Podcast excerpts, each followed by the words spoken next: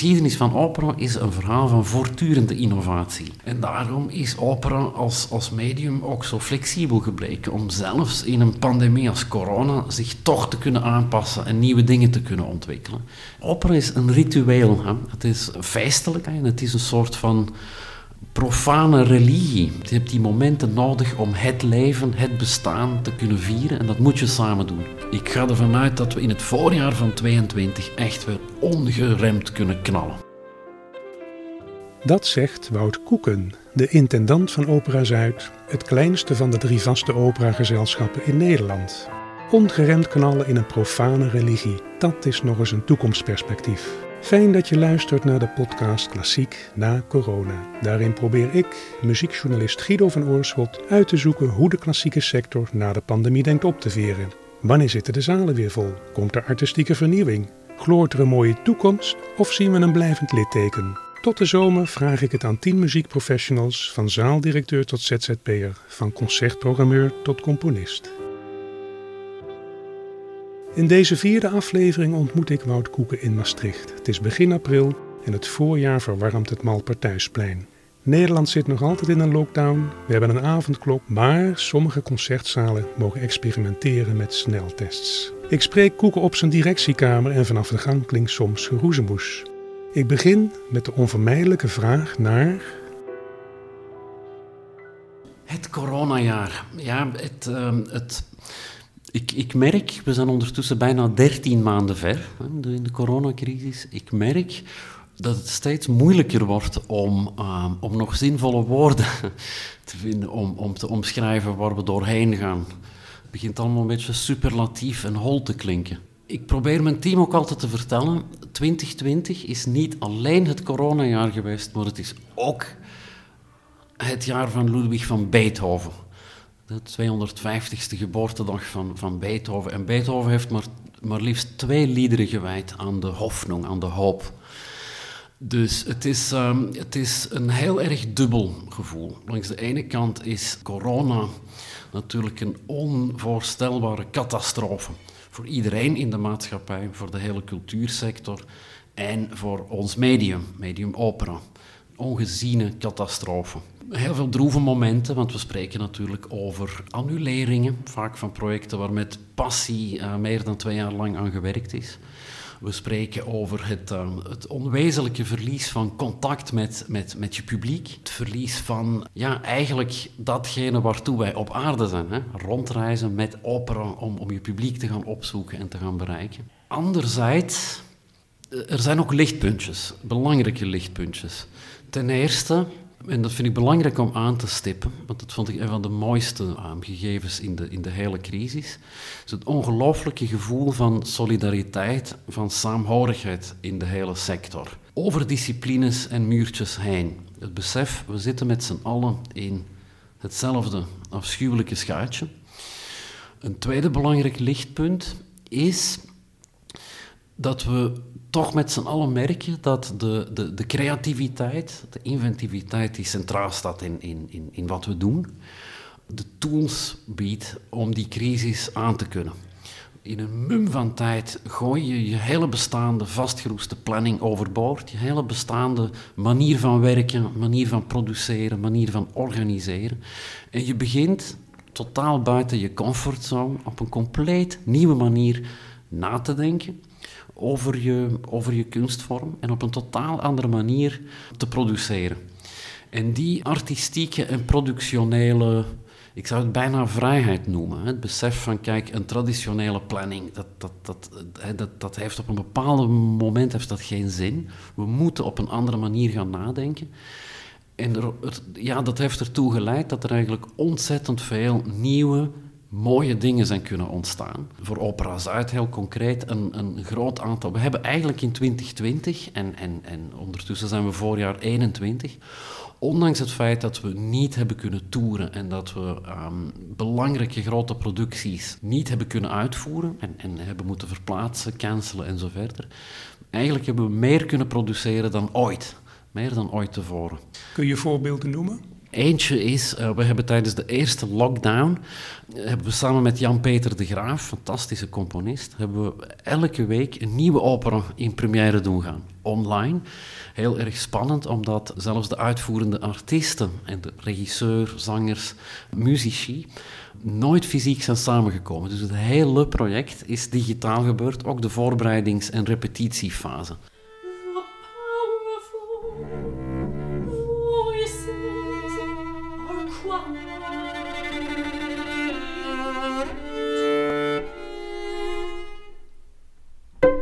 Maar het feit dat je dus wekelijks een nieuwe kameropera in première kan doen gaan en dat je dus ook onwaarschijnlijk uh, kan reageren op de actualiteit, op, op, op, wat er speelt in de wereld, psychologisch, cultureel uh, en, en zo verder, dat is een heel bijzonder gevoel.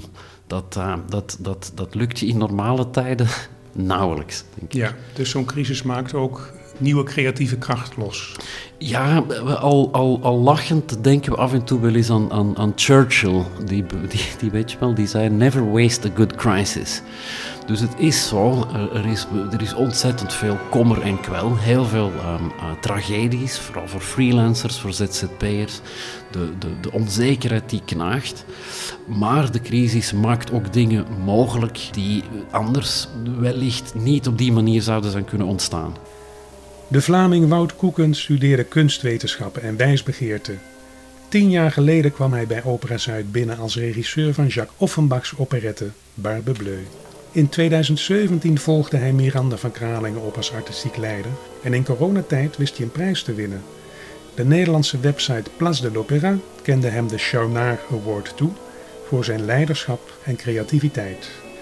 In 2020 bijvoorbeeld schreef de componist Jan-Peter de Graaf in zijn opdracht acht mini-operas onder de titel Bonsai Garden. Bariton Michael Wilmering gaf een muziektheatrale kijk op Beethovens liedcyclus An die ferne Geliebte. En in het najaar had Opera Zuid een prachtige dubbelbill. La Voix Humaine, L'Heure Espagnole, operas van Francis Poulenc en Maurice Ravel. Toch, Wout Koeken moest in de pandemie zo vaak schakelen, er moeten toch ook dieptepunten zijn geweest. Dat, uh, dat klopt. Ja. Nou, om te beginnen, die, die, die prijs, dat is natuurlijk een, een prijs voor het hele team van Opera Zuid. Het was een gigantische opsteker voor mensen die toch op een ongelooflijke manier bereid zijn geweest om totaal out of the box, out of the, totaal buiten de comfortzone, onze hele manier van werken te gaan heruitvinden. Uh, en het op een compleet andere manier te gaan aanpakken. En soms als je midden in een crisis zit, dan weet je wel waar je de volgende week mee bezig bent, maar dan bestaat het risico om het grotere plaatje te zien. Dus af en toe krijg je wel eens een vraag vanuit het team van, god, waarom, waarom doen we dit nog?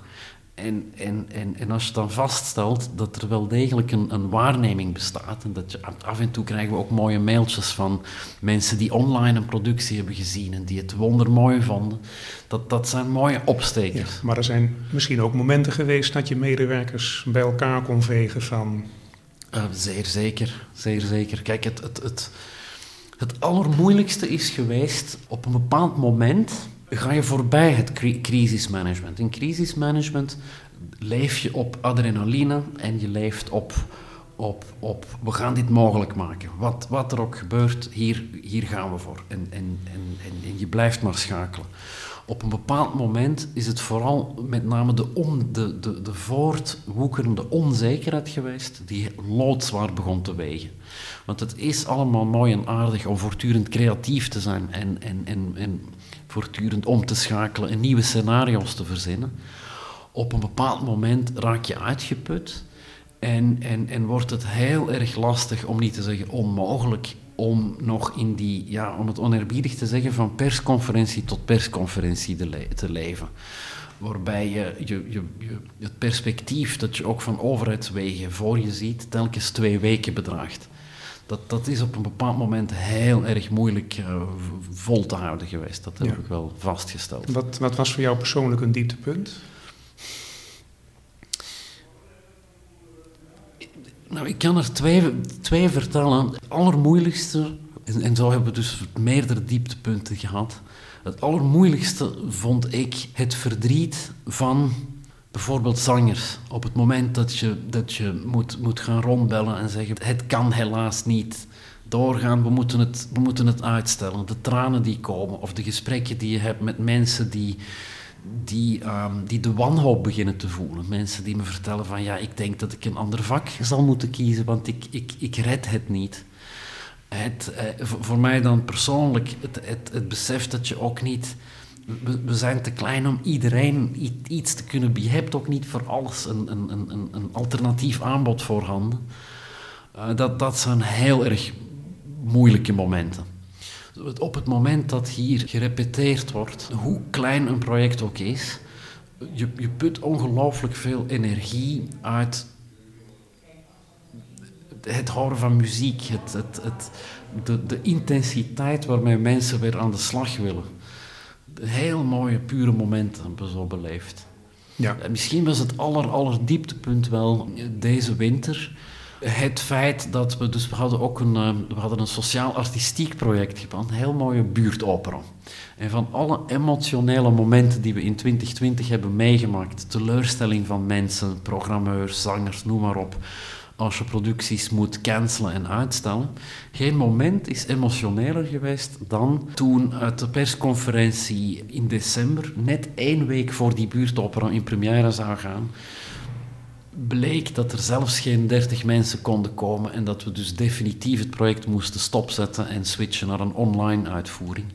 Het verdriet van de buurtbewoners was hartverscheurend. Ja, met jullie kantoorruimte, repetitieruimte is een kerk, met wat aanbouw, staat midden in de wijk, aan een pleintje met winkels. En jullie hebben de buurt betrokken bij Opera Zuid. Dat klopt. Met hun eigen opera. En die kon niet doorgaan. En die kon niet live doorgaan. We hebben nu gelukkig een oplossing gevonden. Aanvankelijk hadden we, hebben proberen om te, om te programmeren naar januari. Maar goed, op een bepaald moment werd duidelijk dat de lockdown verlengd zou worden. Dat kon dus ook niet doorgaan. Nu gaan we de eerste week van juli toch een feestelijk moment kunnen beleven. Bij leven en welzijn met die geplande buurtopera. Nu ik toch in Maastricht ben, geeft Wout Koeken een rondleiding. Hij laat me de kerk zien, de Onze Lieve Vrouw van Goede Raad, voltooid in 1965, toen het rijke Roomse leven hier nog tierde. Betoverend licht valt door de glas in loodramen die zijn ontworpen door Albert Troost. Goede Raad, Troost, had Wout Koeken zijn ZZP-ende medewerkers het afgelopen jaar nog meer te bieden? Kon hij ze bijvoorbeeld blijven betalen? We hebben inderdaad een, een policy ontwikkeld. Kijk, om te beginnen voor alle mensen die producties zijn verloren, omdat we noodgedwongen moesten annuleren of naar een later seizoen verschuiven, hebben we een compensatieregeling uh, kunnen treffen. Dus we hebben iedereen altijd kunnen, kunnen vergoeden voor het, uh, voor het werk.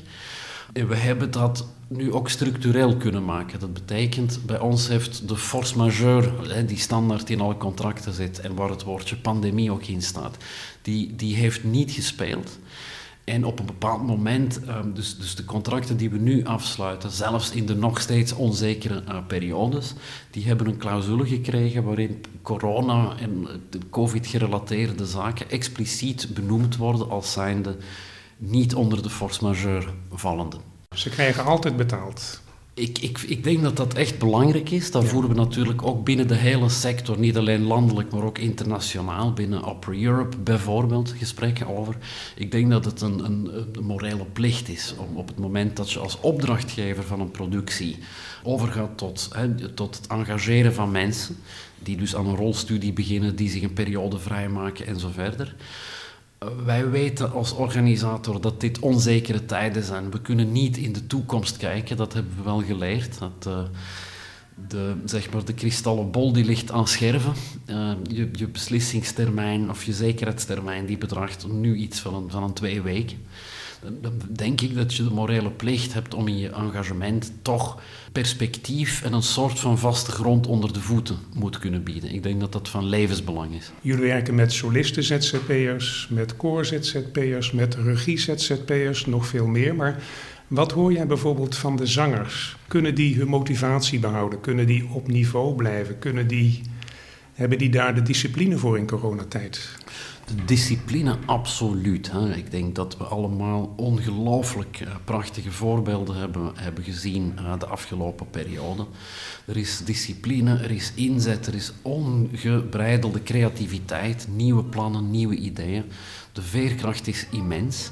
Maar goed, ik heb, er spelen zich natuurlijk ook tragedies af. Ik ken waanzinnig goede zangers die inmiddels andere keuzes hebben gemaakt omdat, omdat dit op een bepaald moment natuurlijk niet vol te houden is. Een ander vak hebben gekozen. Een ander vak hebben gekozen, of zich zijn gaan bijscholen, et Er is, ondanks alle digitale mogelijkheden, onvoldoende werk en onvoldoende perspectief. En ik denk dat binnen de operawereld, kijk, mijn grootste zorg voor de toekomst is, uh, dit is een, uh, een mondiaal probleem geweest opera uh, wordt vaak twee, drie, vier jaar van tevoren gepland en georganiseerd. We krijgen nu, dat merk ik al in gesprekken met co-productiepartners, er komt een hele tsunami op ons af van her, herprogrammering. Dus het inhalen zeg maar, van verloren co-producties. Wat dus betekent dat voor zangers heel vaak ook de komende twee, drie jaar weinig nieuwe kansen zich zullen voordoen, omdat bestaande engagementen overal ter wereld eigenlijk worden opgeschoven naar volgend seizoen, overvolgend seizoen. En als je als zanger, maar ook als regisseur mee kunt opschrijven, dan bof je. Dan bof je, dat maar is als je buiten dat systeem staat, dan heb je pech. Want de komende twee, drie seizoenen, zeg jij, begrijp ik, worden ontzettend moeilijk om dan nog ergens tussen te komen. Ja, ja dat, dat, denk ik wel. Is dat het belangrijkste probleem waar de operawereld tegenaan gaat lopen? Dat is, dat is wat ik nu zie als grootste probleem voor de operawereld. Maar dan heb ik het over, over wat, we, wat we voor het gemak nu samen kunnen omschrijven als de grote klassieke opera. Een van de mooie dingen die toch zijn ontstaan in, die, uh, in de hele coronacrisis is het besef dat opera, muziektheater, veel meer is dan dat. Er zijn nieuwe vormen ontstaan en ik denk dat er een, uh, een, een, besef is dat opera ontzettend divers, veelzijdig, uh, pluriform is. Dus er zijn kleinere uitings- en expressievormen. Ik, ik, vertel altijd graag, opera bestaat eigenlijk niet. Opera is gewoon nominatief meervoud van het woord opus, werk. Dus het gaat over een meervoud van werken. En die rijkdom, zowel in creatie en in nieuwe uh, opera, als in het, het, het, de hele operageschiedenis, het bestaande repertoire, die rijkdom is echt opnieuw aangeboord, denk ik, in de hele coronacrisis. En ik denk dat daar de belangrijkste kans ligt om te ontkomen aan dat probleem waar we het net over hadden. Je hebt natuurlijk de de grote logistiek, grote uh, planningsvraagstukken.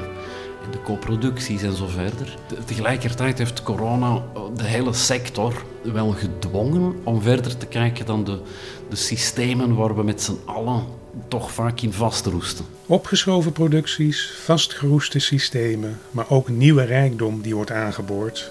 Rustig zal het op de burelen van Opera Zuid voorlopig niet worden. Maar hoe gaat het straks op het toneel als de pandemie eenmaal is overwonnen? Hoe staat het dan met de artistieke kant van opera? Dat wilde ook mijn vorige gast weten, de componist des vaderlands Calliope Tsupaki, in haar rechtstreekse vraag aan de intendant van Opera Zuid. Ik zou van Wout Koeken willen weten of de pandemie het operavak zal veranderen. Kijken wij voortaan anders naar opera's vroeger? Komt er nieuw werk rond coronathema's als verlies?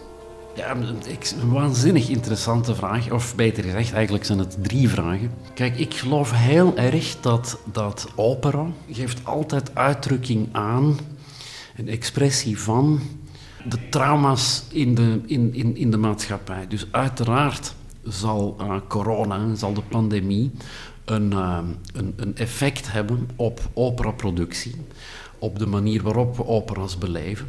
Maar ik denk niet dat dat een, een compleet nieuw gegeven is. Alle goede kunst reageert op tal van manieren op wat er zich in de werkelijkheid afspeelt. Dus jij zegt het is onontkoombaar dat de operakunst die zich bezighoudt met trauma's in mensen, in de maatschappij, het is onontkoombaar dat corona op een of andere manier daarin doorschijnt. Exact, exact. En heel erg boeiend om over te filosoferen is op welke manier. Als je, dan, denk ik aan de, aan, de, aan de derde vraag komen er operas over de coronaproblematiek. Ik denk dat, kijk, ik ben natuurlijk geen toekomstvoorspeller. Mijn intuïtie zegt, dat het, het omgekeerde zal gebeuren. Op dit moment worden er ongelooflijk boeiende dingen gemaakt in het operavak die expliciet corona als uitgangspunt, als thema, als inspiratiebron en noem maar op hebben. Helemaal aan het begin van de, van de crisis had ik met uh, dramaturg Willem Bruns een gesprek over de verhouding tussen kunst en epidemie. En dan ontdek je dat, kijk, van, van, van Sophocles over de, de middeleeuwen, de renaissance, Shakespeare met name, tot en met Thomas Mann en Benjamin Britten bijvoorbeeld met Death in Venice. De, de hele kunstgeschiedenis en ook de muziek- en operageschiedenis altijd al bezig zijn geweest met reageren op zoiets als een epidemie. En als je bijvoorbeeld denkt aan die gigantische pestuitbraken in de 14e eeuw, toch, eh, toch waanzinnige catastrofes die zich toen hebben uh, afgespeeld, die hebben in de, in de artistieke productie eigenlijk precies het tegenovergestelde effect gehad. Met andere woorden, de kunstproductie na die, uh, na die uitbraken van de Zwarte Dood waren net heel erg vrolijk, heel erg levenslustig, losbandig, uitbundig. Een beetje te vergelijken met wat we precies een eeuw geleden hebben meegemaakt. De, de reactie van, van cultuur en kunst en, en, en maatschappij op het trauma van eerst de Eerste Wereldoorlog en vervolgens de gigantische pandemie, de Spaanse griep. De tegenreactie in kunst en cultuur is net een soort van, ja, we noemen het nu de Roaring Twenties. Een soort van ongelooflijke uitbarsting van creativiteit, van vernieuwing, maar heel erg optimistische en levenslustige, uit, uitbundige, losbandige kunst. En het vieren van het feit dat het allemaal weer kan. Dat... Het, het, vieren van het leven. Um, wat hebben we geleerd in zo'n crisisperiode? Hoe waardevol het is om samen te zijn. Hoe waardevol het is, hoe noodzakelijk het is om kunst te kunnen beleven. Dat het helemaal geen boetade is of alleen maar een vage droom in het hoofd van kunstenaars. Dat kunst van levensbelang is voor ons allemaal. Denk je dat dat echt doordringt tot de boven ons gestelden die daarover gaan? Bijvoorbeeld de subsidiegever, de politiek? Dat is denk ik weer een heel andere vraag. Ook interessant om over te filosoferen. Ik, ik ben daar toch positief over gesteld. Want ik denk dat wij met z'n allen, en dus ook politici, heel duidelijk die signalen uit de maatschappij op, opvangen. Er is natuurlijk op dit moment de gigantische coronamoeheid en mensen die er echt onderdoor gaan en die, die, die hunkeren naar op, laat ons alsjeblieft weer samenkomen, laat ons weer contact hebben met elkaar. Maar ook die signalen over inderdaad het belang van schouwburg en concert, het belang om collectief kunst en cultuur te kunnen beleven. En ja, dat is een feest. Al ga je naar een tragedie, het is een feest om dat, om dat live te kunnen doen. Kijk, de technologie staat zo ver dat je opera um, uh, thuis kan brengen op een manier die waarschijnlijk qua klankbeleving superieur is aan wat je in een theater kan beleven. Camera's kunnen zo dicht op de vertolkers gaan dat je een ongelooflijke beleving hebt die in de Schouwburg, als je op een slechte plek zit, helemaal niet mogelijk is. En toch hoor je meer en meer signalen van mensen die hunkeren om opnieuw naar de Schouwburg te kunnen. Een, een criticus vertelde me onlangs, wat mis ik het om met te ergeren aan die mevrouw die haar, uh, die haar snoepje zit, zit open te wikkelen en die mij eigenlijk stoort. Of die meneer die te veel kucht. Of het hele gedoe uh, met de voorstelling die te laat begint. Wij hebben denk ik echt nood aan de collectieve beleving van kunst en cultuur. Opera is een ritueel. Hè? Het is feestelijk, zoals je al zei. Het is een soort van profane religie bijna. Je, hebt, je hebt die momenten nodig om het leven, het bestaan te kunnen vieren. En dat moet je samen doen. Ik denk, op de korte termijn verwacht ik eigenlijk vooral een explosie. Ik denk dat er naast de grote reguliere planningen veel meer aandacht zal zijn voor kleiner, flexibeler alternatieve programma's, zowel digitaal als ook live. Kleiner, flexibeler, digitaal en live. En digitaal bedoel je streaming? Dan bedoel ik streaming, combinaties van live en streaming, allerlei boeiende vormen die de, de, afgelopen maanden uh, in, in ontwikkeling zijn geweest. Ik persoonlijk, en ik denk dat ik niet de enige ben, ik geloof niet in digitaal in online als alternatief voor opera omdat de, ja, als, ik, als ik voor mijn eigen vakgebied opera spreek, opera is in zowat alles het radicaal tegenovergestelde van social distancing.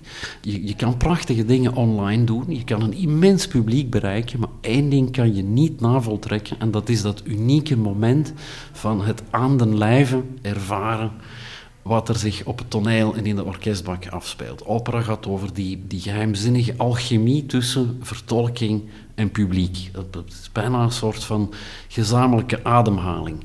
En daar is wat we met z'n allen ook wensen en proberen en hoe creatief we ook zijn. Voor, voor, voor die essentie van ons vak is geen digitaal alternatief. Ik denk wel dat uh, digitale uitingen zoals streaming, zoals opera in de bioscoop, online aanbod, in de toekomst complementair kunnen zijn. En dus kunnen zorgen voor nieuwe manieren van publieksbereik bijvoorbeeld, een verjonging van je publiek. Geen digitaal alternatief dus voor de gezamenlijke ademhaling, de geheimzinnige alchemie van opera. Koeken hoopt dat eind mei L'Elisire d'Amore daadwerkelijk op de planken staat, het liefdeselixer van Donizetti.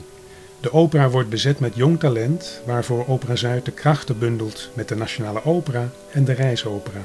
En straks het nieuwe seizoen 21-22 komen er dan weer de vertrouwde twee grote producties per jaar. Opera, grote klassieke opera, is natuurlijk door de aard van het medium zelf, zowel aan de kant van de vertolkers als aan de publiekzijde, ja, zo'n beetje het, het meest coronagevoelig van, van, van alle mij bekende kunstvormen. Je bedoelt een mooie Wagner, een, een, een grootse Verdi, maar omdat het aan, aan, aan, aan, zowel de kant van de vertolkers als aan de kant van het publiek het samenkomen van grote groepen mensen vergt. Als je dus in je aanbod alleen maar kan inzetten op die grote producties, hoe, hoe, hoezeer ik daar ook van haal, dan ben je natuurlijk ongelooflijk kwetsbaar op het moment dat er zich zoiets voordoet als een pandemie. Alleen al om op planmatige redenen is het gewoon, denk ik, noodzakelijk om, om je aanbod diverser te maken. Maar je hebt ook artistieke redenen. Natuurlijk, omdat het aanbod, zowel in bestaande opera, sinds Monteverdi tot, tot hè, waar, waar de fantastische componisten, mensen als Mathilde Wantenaar of, of Jan-Peter de Graaf hier in Nederland nu mee bezig zijn. Er, is zo'n rijkdom in dit genre. Ik ben er zelf ook van overtuigd dat de geschiedenis van opera een voortdurend verhaal is geweest van het zoeken naar nieuwe manieren om de missie waar te maken. Zeg maar.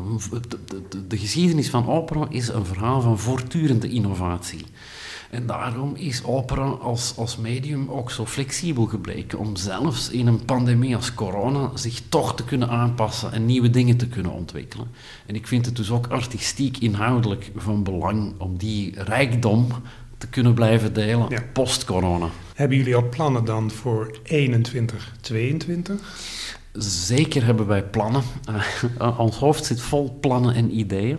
Een van de grootste challenges van de afgelopen 13 maanden is geweest dat je voor elk plan en elk idee 13 à 16 verschillende scenario's ontplooit. Dus dat hebben we ook voor het volgende seizoen gedaan.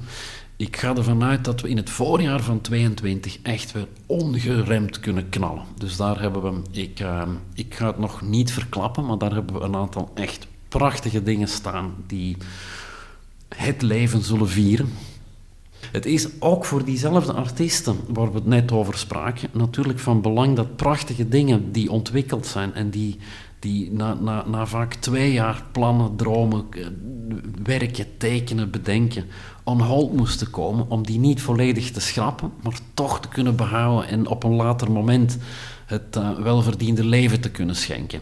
Dus dat heeft een grote impact ook bij ons op de planning voor de komende, voor de komende seizoen. Het verplaatsen van prachtprojecten die helaas niet zijn kunnen doorgaan. Pre-corona had je het schema twee grote producties, één kleine. Maar wordt het schema na corona? Wel, het schema na corona wordt dat we naast de twee projecten, de twee ja, grote operas zal ik het maar noemen, die we samen met uh, onze partner Philharmonie Zuid-Nederland uh, jaarlijks brengen, komt er als het allemaal lukt, budgetair, maar ik ga ervan uit van wel, komt er jaarlijks ook een nieuwe, speciaal voor kinderen of jongeren gecomponeerde opera. Ik kan alvast een tipje van de sluier oplichten tijdens corona, tussen de eerste en de tweede lockdown door, hebben we met de fantastische jonge componist Lucas Wiegerink een eerste versie kunnen maken van een droom die hij had. Er komt een nieuwe opera getiteld Het Lijflied. Het gaat over een, een meisje die in haar eigen lichaam terechtkomt. Het gaat over het klankuniversum van het menselijk lichaam. De ademhaling, de hartslag, de geluiden van je maag, het borrelen van je darmen. En in haar eigen lichaam komt ze in dialoog, in duet letterlijk, met haar eigen organen. Ze ontmoet haar hart, ze ontmoet haar hoofd, ze ontmoet haar brein en zelfs de darmen. Daarvan hebben we een eerste versie kunnen maken. In die opera komt namelijk ook een hilarische scène voor met een, um, een virusaanval die moet worden afgeslagen. Dus dat was te mooi om niet te doen. En in seizoen 21-22 hebben we dan de wereldpremière. Toch een tipje van de sluier. Volgend seizoen biedt Opera Zuid de wereldpremière van Het Lijflied, een jeugdopera van Lucas Wiegerink. En dat is nu al iets om naar uit te zien. Rest mij alleen nog te vragen wat Wout Koeken zou willen weten van mijn volgende gast. Anthony Heidweiler, de zanger die als geen ander een brug wil slaan tussen klassieke muziek en een steeds diversere samenleving. Ik weet dat Anthony heel gepassioneerd bezig is, het is levenswerk, als ik het zo mag uitdrukken, met de verjonging van opera. Zowel verjonging van het medium opera, als ook de vraag hoe betrek je een jong publiek bij opera. En ik ben heel benieuwd naar welke nieuwe kansen Anthony ontwaard heeft en nog steeds ontwaart in de coronacrisis en dus ook de nieuwe zeg maar, distributievormen online, digitaal uh, en zo verder die zich hebben ontwikkeld. Uh, ik denk daar vaak over na en ik ben heel nieuwsgierig naar zijn, naar zijn visie daarop. Ziet, ziet Anthony kansen in, voor wat betreft de verjonging van opera? Dat ga ik hem vragen. Fijn dat je hebt geluisterd naar de podcast Klassiek na corona. Vond je het de moeite waard? Strooi dan met waarderende sterren op je podcast-app en zeg het natuurlijk voort via de social media. Heb je een vraag of opmerking? Stuur een mailtje naar de. En wil je me volgen? Dat kan via Twitter de hand van Guido of via mijn blog dehandvanguido.blogspot.com.